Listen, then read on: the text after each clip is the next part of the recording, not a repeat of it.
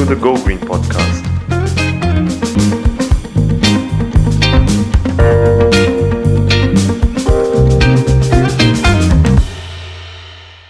My name is Till and I grew up in a German eco village called Siebenlinden. Now you might ask yourself, what exactly is an eco village? What makes it special? And how is life there? I will try to answer all your questions in this series of podcasts where I speak with other people from my village about different aspects of Siebenlinden. Enjoy!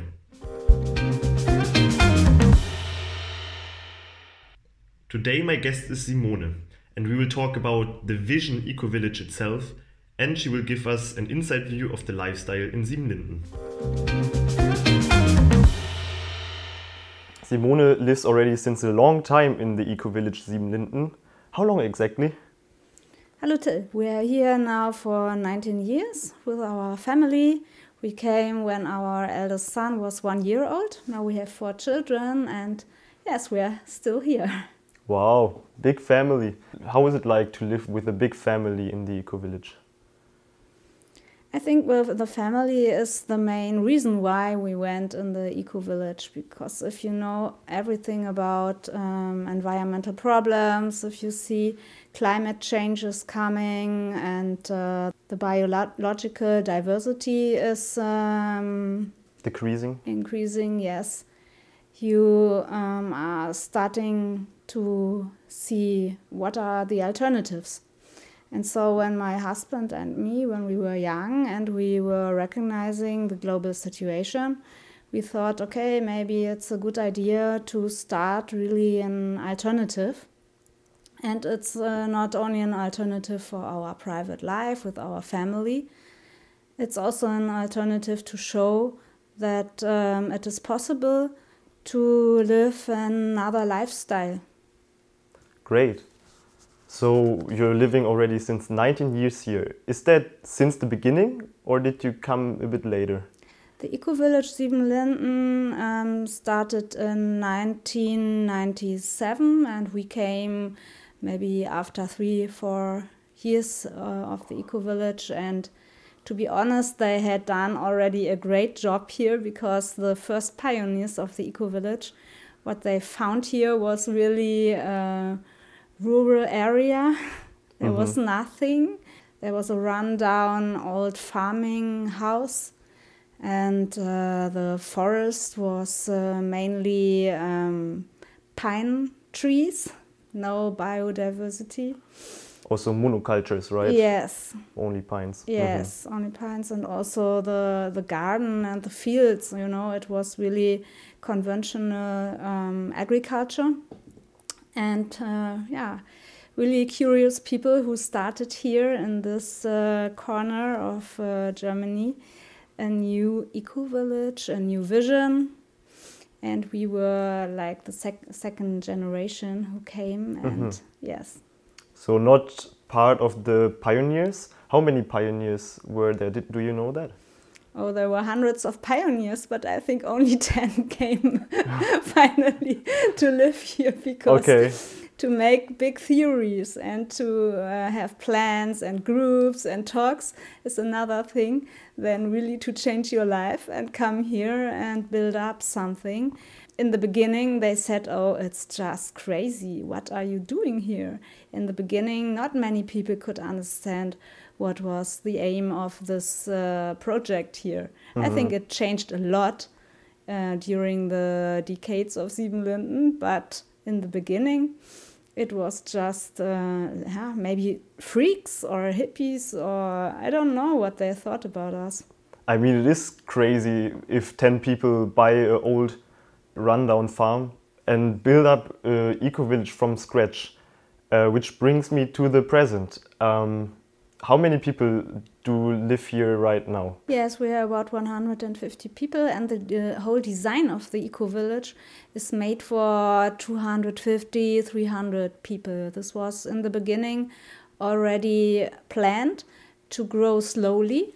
So mm -hmm. every year, some people come, also some people leave. You know, it's uh, fluid. You always have like a change and coming and going of members because um, this is also a project where people can learn something and then maybe they leave to other places or even to the cities and um, yeah they can um, motivate people there to to change their lifestyle. So can you give me a proper definition? Because i also grew up in this eco village but it's always hard for me to describe to other people what exactly is an eco village what makes this village so special?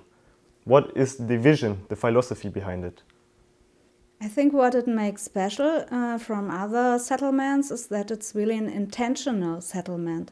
It's not uh, by chance that uh, we are developing some culture here, it's just really an intention to build up another agriculture, another kind of forestry, another um, Waldkindergarten for the children we built up an um, educational center.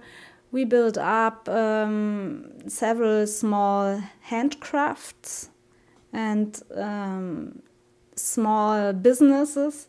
And the question is always sustainability. Every step in this eco village development is um, questioned is it sustainable or is it not?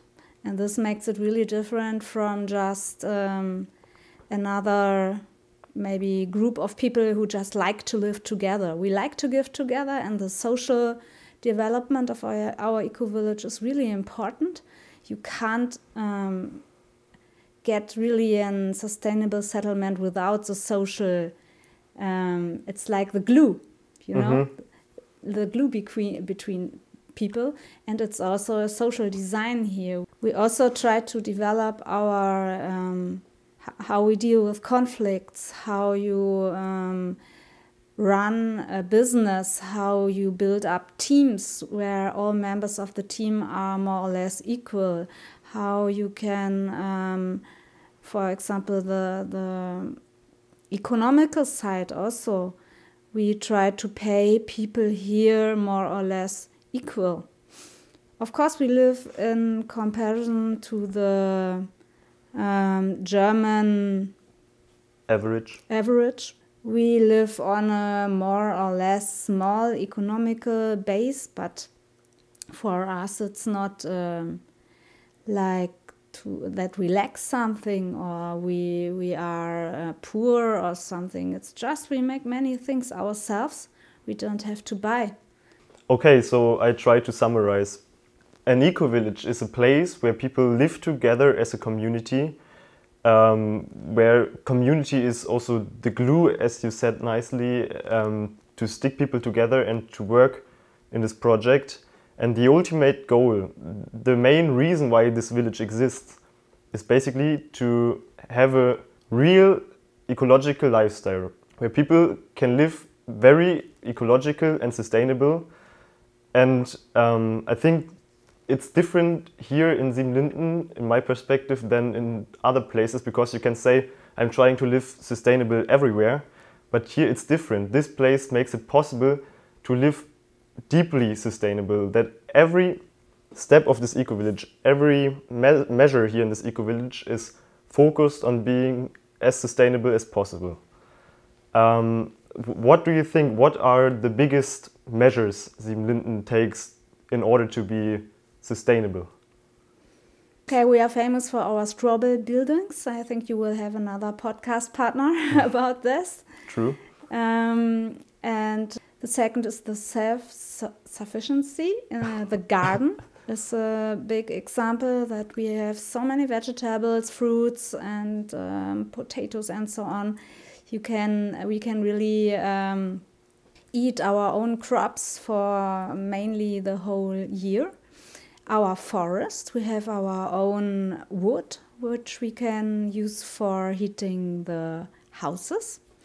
But it's also a cultural self uh, sufficiency. Examples are that we have, for example, our own cinema, which means which means we have a beamer and we watch movies. we can have uh, dancing evenings, we have circle dances, we have our own sports here, yoga courses. We are enough people, you know, with 150 people, you can have so much fun. And fun is also important because if, if it's only sustainability, people will not stay here. Even the young people, we have so many young people here and they learn how to create their own fun. It's important yeah, I think this place is really about showing off that uh, environmentally responsible way of living is very much possible with still having a lot of fun, right? And not lacking anything. You don't lack the financial side, um, at least not too much, because we also create a lot of, of our own. But also um, in the community life, and I can say it as a um, as someone who grew up here, especially as a child, it's wonderful here. You have so many options to play. Everybody is friendly. Every everybody you feel safe everywhere. You know you can trust everyone, also every adult that runs around. And yeah, that's very important and beautiful thing about this village.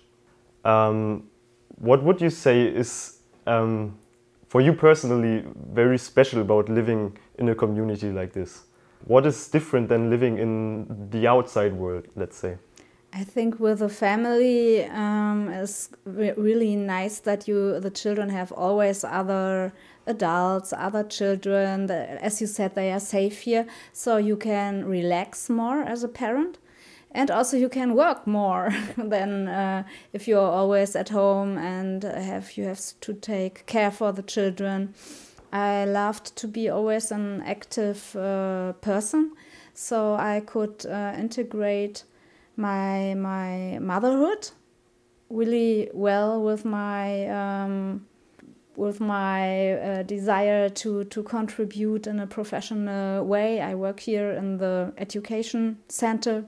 We have uh, three meals here in the community kitchen every day and this is also nice if you have a family because you just uh, make your sign okay i want to eat in the community kitchen and uh, one o'clock lunch is ready you go there you eat you meet many nice people you have healthy food our cooks uh, prepare vegan or vegetarian meals very fresh um, from the garden so this is a luxury, I think, really. This is luxury. And we created just ourselves because we are well organized. We have our kitchen team. We found way a way to um, finance all our food here together. So you ha we have big storages and you just go there and get what you need at the moment as um, far as you paid your monthly fee. So you can eat and uh, yeah it's, it's great. It's easy so you say living in a community makes a lot of things easier. Is there also something more difficult in a close community like this? Oh of course. This, uh, the social life is always full of um, challenges. It's not only in the community. You know it from your families. You know it from your friends. And here it becomes even more dense. You can't um, escape it yeah you can't escape. You have uh, to discuss with people a lot. We have a lot of talks. We have a lot of meetings. If we have conflicts we have uh, like also mediation process because we everybody wants to live here so you have to solve the problems. You can't um, wait until maybe the other person wants to leave the, the eco village. But I think it's okay. On the one hand side, it's a challenge. On the one hand side, you grow personally, and uh, every time a conflict is coming, you are a little bit more experienced about it, a little bit more relaxed, and so you learn. And you, yeah, people people learn a lot uh, about um, let's say about uh, peace. Yeah, there will always be conflicts, and I think it's just about how we solve these conflicts and how we treat treat each other personally on a personal level during this process. I see it uh, like uh, training even for further conflicts because also climate crisis will cause conflicts. I'm sure about that, and so this um, these communities, eco villages, I think they are also like little training centers to mm-hmm. try to live um, really together, even if you are not at the same opinion about something. That might be true. Sieben is, I think, in a lot of senses, um, a small scale model of, yeah, how we should live in the future in many cases.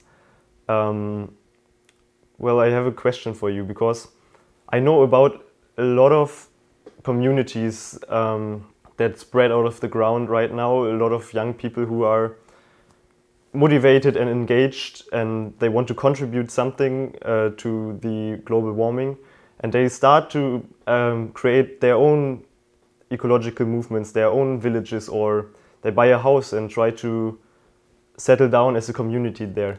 Why do you think is Siebenlinden specifically so successful, let's say? Siebenlinden exists since uh, 24 years now, and um, it's still growing, it's still very, very stable. What makes Siebenlinden so successful? I think mainly it's the size because if you are somewhere in a little community, 10, 20 people, let's say, I observe that um, the conflicts in the end um, they, they cause separation. One party maybe um, will leave, or uh, and I think a big group like uh, we are is better to um, balance uh, mm-hmm. all the opinions, and we have a good um, decision making structure. I think this is really important just in the beginning of pro- projects that you get clear uh, how you want to um, make decisions. Because, because if it's not clear, it's uh, it's clear that you will get in in uh, struggle about uh, about that. So, how do you vote? who will bring in proposals, who is the leader of a meeting, is there um, can everybody vote or is it like a membership um, that makes you um, give you gives you the right to vote can children and youth vote or not and all these things really maybe also to get like a supervision or an professional advice to um, get clear how decision making should work in your community. I think that's a very important point. And I have to say, Siebenlinden has, in my opinion, a very complicated, like a very complex decision making structure. And even though I grow up here, I still didn't, I still haven't completely understand how everything works.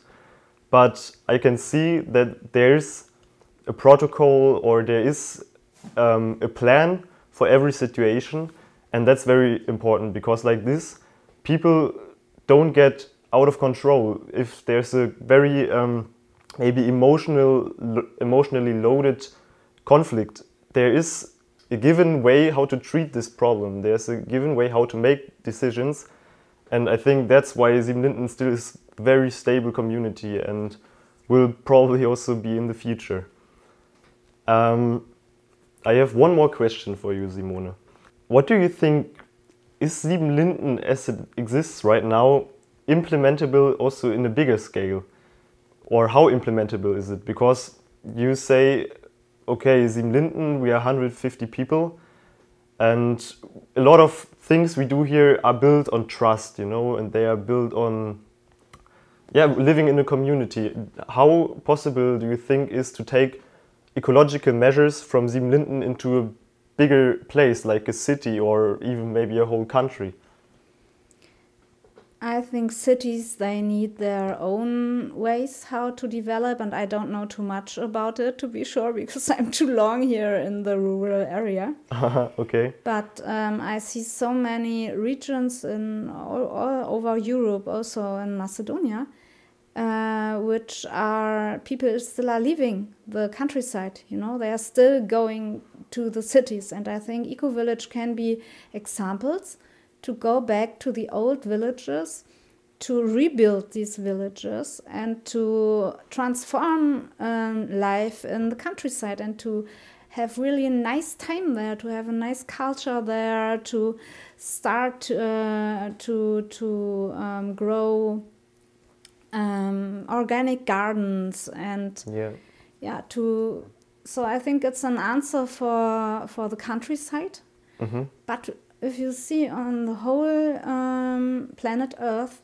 everywhere people are going in the cities, and we really need to return this process and a little bit uh, empty the cities again. There mm -hmm. will be always cities, and it's important that um, the the urban development finds its own ecological ways. But most important, I think, is to give back the value of living and to to the revive? area. Yes. yeah revive the countryside. Yes. Yeah we need some deurbanization. I totally agree on that. Uh, because cities are very uneco-friendly places usually because yeah there's everything is so dense and crowded. There is no place for parks gardens and such things um, yeah, but I really like this answer that eco villages can really help to revive the countryside in a very sustainable way. Um, yeah, thank you for all your answers, Simone. It was a pleasure to do this podcast with you. Yeah, thank you for your, for the interview. you just listened to Green Talks, a podcast made by the organization Go Green Macedonia about any kind of environmental issues, movements, and solutions. If you want to find out more about the work Go Green is doing, you can check out our Facebook, Instagram, or the webpage. Thanks for listening.